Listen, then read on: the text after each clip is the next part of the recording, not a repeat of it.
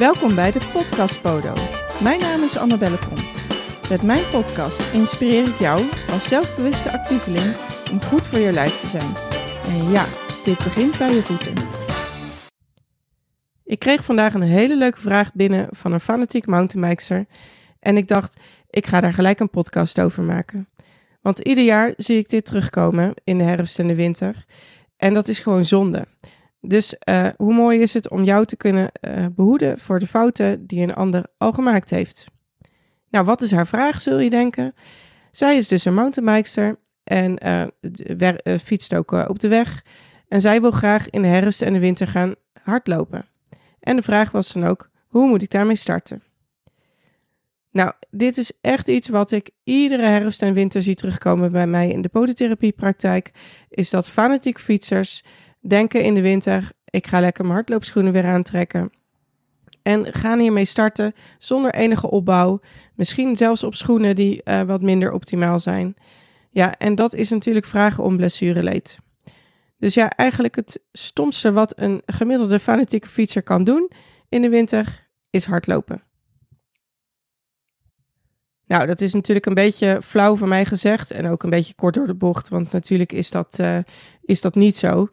Maar uh, je moet je wel realiseren dat je, uh, dat je eigenlijk met een probleem zit als je fietser bent en, uh, en wil gaan, gaan hardlopen.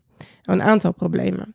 Eén probleem is, je bent eigenlijk veel te ehm, fysiek fit om rustig aan te gaan opbouwen met hardlopen. En dat klinkt misschien een beetje raar, maar ja, weet je, als iemand uh, niet echt fanatiek sport en start met hardlopen, dan is hij eigenlijk al na, na 1, 2 minuten rennen, is hij al moe. En echt gewoon moe in de zin van buiten adem.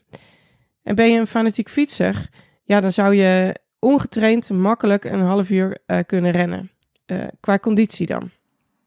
Maar je hebt ook nog botten, pezen, spieren, gewrichten die moeten wennen aan die belasting. En natuurlijk belast je die ook als je fietst. Uh, maar het enige verschil, of in ieder geval een belangrijk verschil, is uh, met fietsen ten opzichte van hardlopen, is dat je niet de impact hebt op de grond met, uh, met, hard, of met fietsen. En die krijg je natuurlijk wel met hardlopen. En daarnaast is ook de beweging die je maakt met je lichaam echt com compleet anders. En ook vanuit de voeten gezien is dat echt heel anders. Want uh, met fietsen maak je eigenlijk alleen maar met je enkel een beetje een, een draaibeweging, hè, zodat je voet uh, rustig heen en weer kan bewegen. Maar als je hard loopt, maak je ook nog tegelijkertijd een zijwaartse beweging. En dat samen met die impact uh, op de, van de grond, zeg maar, ja, kan echt tot serieuze problemen leiden. Dus ehm, ja, ik zeg altijd gek, gekscherend, je kunt beter niet gaan starten met hardlopen als fietser zijnde. Maar dat is natuurlijk onzin. Natuurlijk kan dat wel. Uh, dan moet ik wel zeggen, het is niet voor iedereen geschikt om te gaan hardlopen. Maar goed, even ervan uitgaande dat jij wel een geschikt lijf hebt om dat te gaan doen. Hoe ga je er dan mee starten? Daar gaat uh, eigenlijk mijn podcast over. Of in ieder geval, dat is wat ik je mee wil, uh, wil geven. Nou, belangrijk is dat je moet realiseren dat als jij um, wil gaan opbouwen met hardlopen, want dat is echt gewoon nodig, ook al ben je gewoon fit, dan moet je rekening houden met ongeveer een opbouw van drie maanden van 0 tot 5 kilometer. Nou, uh, daar hoef je geen wiskundige voor te zijn om te kunnen bedenken: hé, hey, maar als het uh, het eind van het uh, winterseizoen is, dan zit ik pas net aan mijn 5 kilometer. Klopt. En daarom is het ook aan te raden om misschien al in de zomer te beginnen met, uh, met hardlopen of eind van de zomer.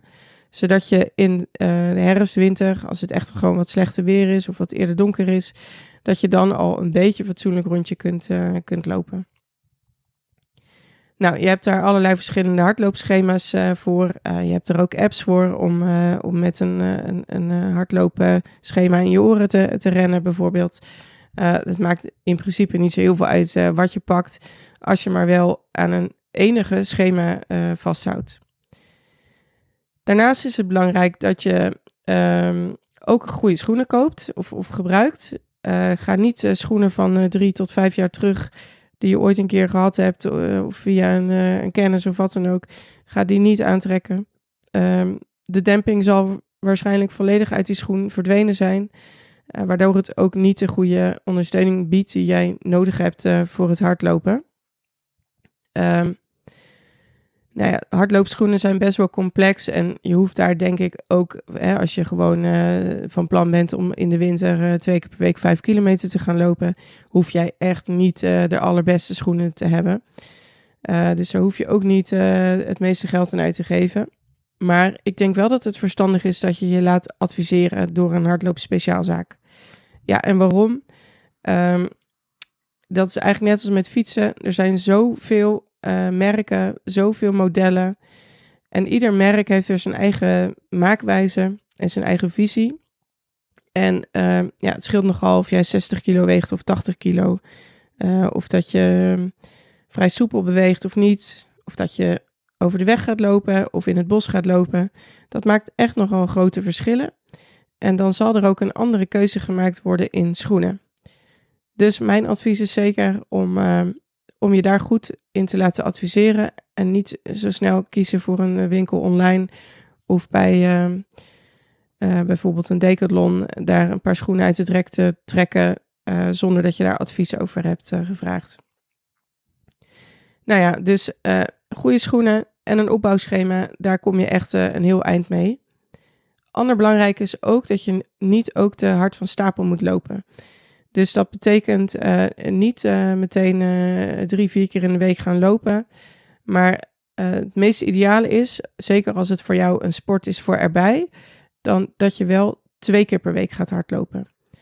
Eén keer per week hardlopen is eigenlijk te weinig. Daarbij bouw je niks op aan, ehm, aan hardloopconditie, zeg maar. Dus je gaat hetzelfde principe is eigenlijk als met fietsen, hè, met gewoon uh, het opbouwen van, van fietsen, dan ga je ook niet beter worden als je één keer per week gaat fietsen.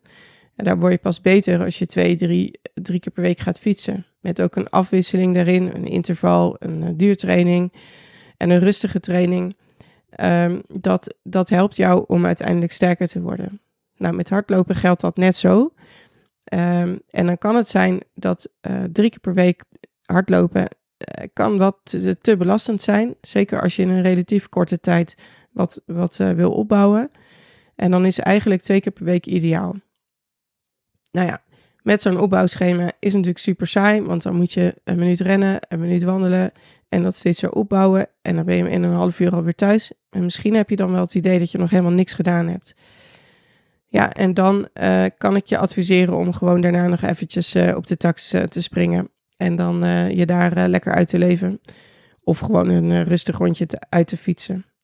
Ja, op die manier zorg je er eigenlijk voor dat je toch wat meer belasting hebt. daarin, of tenminste wat meer rustige belasting daarin hebt. En ja, dat kan je gewoon heel veel verder brengen. Um, ja, en wat moet je doen als je dan wel een blessure hebt? Um, veel voorkomende blessures met een te snelle opbouw zijn toch wel de bekende shinsplint klachten. Nou is uh, op zich een beetje een verzamelnaam. Er zijn allerlei uh, onderbeenspierklachten die tot shinsplints benoemd kunnen worden. Maar goed, als jij een klacht hebt in je onderbeen en dat gaat niet over, um, dan is het allereerst belangrijk om te stoppen met hardlopen. En um, gaat het na een week nog niet over, ja, dan is het wel belangrijk om daar uh, een fysio of een podotherapeut bij te gaan halen. Want dan heb je toch een overbelasting te pakken. Um, wat eventueel ook nog handig kan zijn om erbij te gebruiken, ook puur ter voorkoming van, dat is het gebruik van compressiekousen. Compressiekousen hebben uh, ja, verschillende werking, waaronder uh, ze zorgen ervoor dat de afvalstoffen wat, meer, wat sneller afgevoerd worden. Maar een andere handige eigenschap van een goede compressiekous is dat het ook je spiermassa een beetje dichter bij elkaar houdt.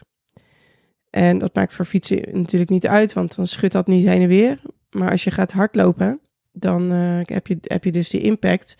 En dan schudden jouw kuitspieren echt flink heen en weer.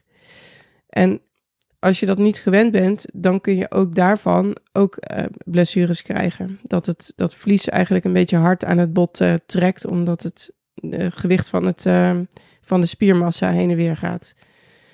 Ja, en zo'n compressiekous zorgt dus dat het wat dichter bij elkaar blijft. En ehm, ja, dat kan gewoon heel veel brengen. Ehm, je kunt daar eh, op mijn website ook het een en ander over vinden over uh, compressiekousen. Uh, wil je daar meer over weten over de werking van compressiekousen zelf, dan verwijs ik je ook even naar de um, webinar die ik heb gemaakt. Die kun je gewoon kijken wanneer je wil. Dus dat is denk ik sowieso slim om daar even in te gaan verdiepen. En ik zal ook zorgen dat er een, een standaard opbouwschema in de, de bijlage erbij zit uh, van deze podcast. Want dan uh, kun je zelf ook uh, aan de slag gaan met, met opbouwen, met hardlopen. Um, andere handige app is ook bijvoorbeeld de EV-app. Denk ik wel de, bekendste app voor hardlopen opbouwen. Dat is een Belgische dame die jou heel vrolijk door de trainingen leidt. Um, mijn ervaring is wel dat dit een vrij snelle opbouw is. Um, en daar wordt dus ook aangegeven om dat drie keer per week te doen. Nou, als je die, um, hoe heet dat, die app dus uh, niet drie keer per week gebruikt, maar twee keer per week, dan denk ik dat je vrij aardig zit qua opbouwen met hardlopen voor in de winter. Dus ja, het is nu natuurlijk al herfst, dus uh, misschien had je dit iets eerder moeten weten. Aan de andere kant, uh, het is nooit te laat om, om hiermee te beginnen.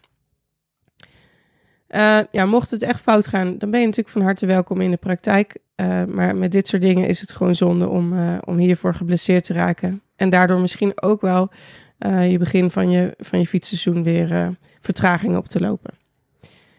Dus ik hoop dat jij in ieder geval lekker de herfst en de winter doorkomt als fanatieke fietser. En ik hoop ook dat jij niet dezelfde fout maakt als vele andere collega's van jou wel doen. Heel veel plezier en uh, geniet van de winterse en herfstige ritjes en uh, loopjes. Je luisterde naar de podcast Podo. Mis niets en abonneer je op deze podcast. Ik vind het leuk als je een review achterlaat. Wil je meer weten over een bepaald onderwerp? Check dan vooral de website www.derfood.com. Hier vind je allerlei waardevolle producten, webinars en online trainingen.